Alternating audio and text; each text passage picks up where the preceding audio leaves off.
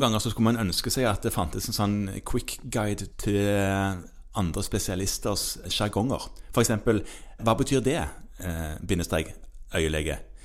Ja, altså det, det kan jo være at det er vi som har blitt litt sære, som ikke lenger jobber med alle disse småfagene, men, men det fins noen stammespråk der ute. Ja, Og hva betyr det?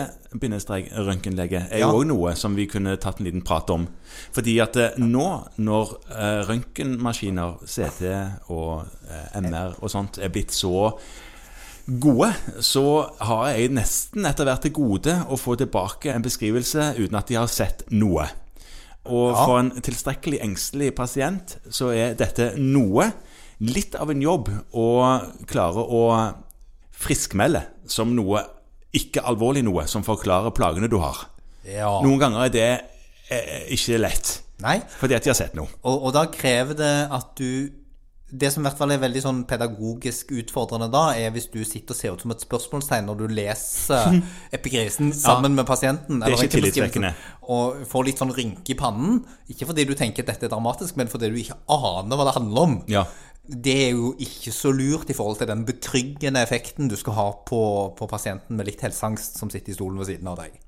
Nei da, det kan være greit å ha hørt om de fleste av disse termene før. Og da lurte jeg på om du sånn kjapt og greit kunne forklare ordet entesopati.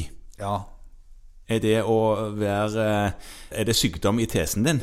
ja, det er sykdom i N-tesen, faktisk. Ja, i N-tesen din, ja. Ja. Eh, Og det, det betyr egentlig bare senefestebetennelse. Ja. Ja.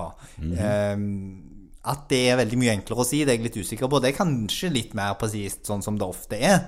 Men i utgangspunktet så betyr det at røntgenlegen har sett en forandring Mhm. i et område fra et senefeste som samsvarer med at det er en inflammasjon der. Ja. Og, Dette er et typisk MR-funn. Et typisk MR-funn, ja. Ja. ja. Ok, Så en, en tesopati er noe du kan se, og dersom du har tatt bilde av f.eks. et ledd som kanskje var litt vondt, eh, og så lurte du på om det var noe, noe senebetennelse der, f.eks. en lateral epikondylitt i albuen, For eksempel det, ja. eller en eller annen korsbåndgreie i kneet, og så ser du kanskje ikke det, men du får beskrivelsen om at det er en entesopati istedenfor. Og det du egentlig har fått da, er all mulig grunn til å gi pasienten beskjed om at dette er ufarlig, og du kommer til å ha det en god stund. Ja, ja, for hva er de klassiske symptomene på en sånn entesopati? Nei, det er jo en betennelse, da. Så det er jo smerte og hevelse og ømhet og Kanskje litt varme? Varme Og, og nedsatt funksjon òg, ja, muligens? Ja. litt nedsatt funksjon. ja. Den gjengen der, ja. Og, og da, hvis det er overfladisk nok, denne her entesopatien, så går det kanskje an å behandle topikalt? Det, det går an, og det går an å sette Noen ganger setter man jo injeksjoner på sånt. Eh, som oftest er våre gode venner fysioterapeutene viktige her. Mm. Og så er det ofte snakk om å snak, eh, på en måte gi pasienten råd om tålmodighet.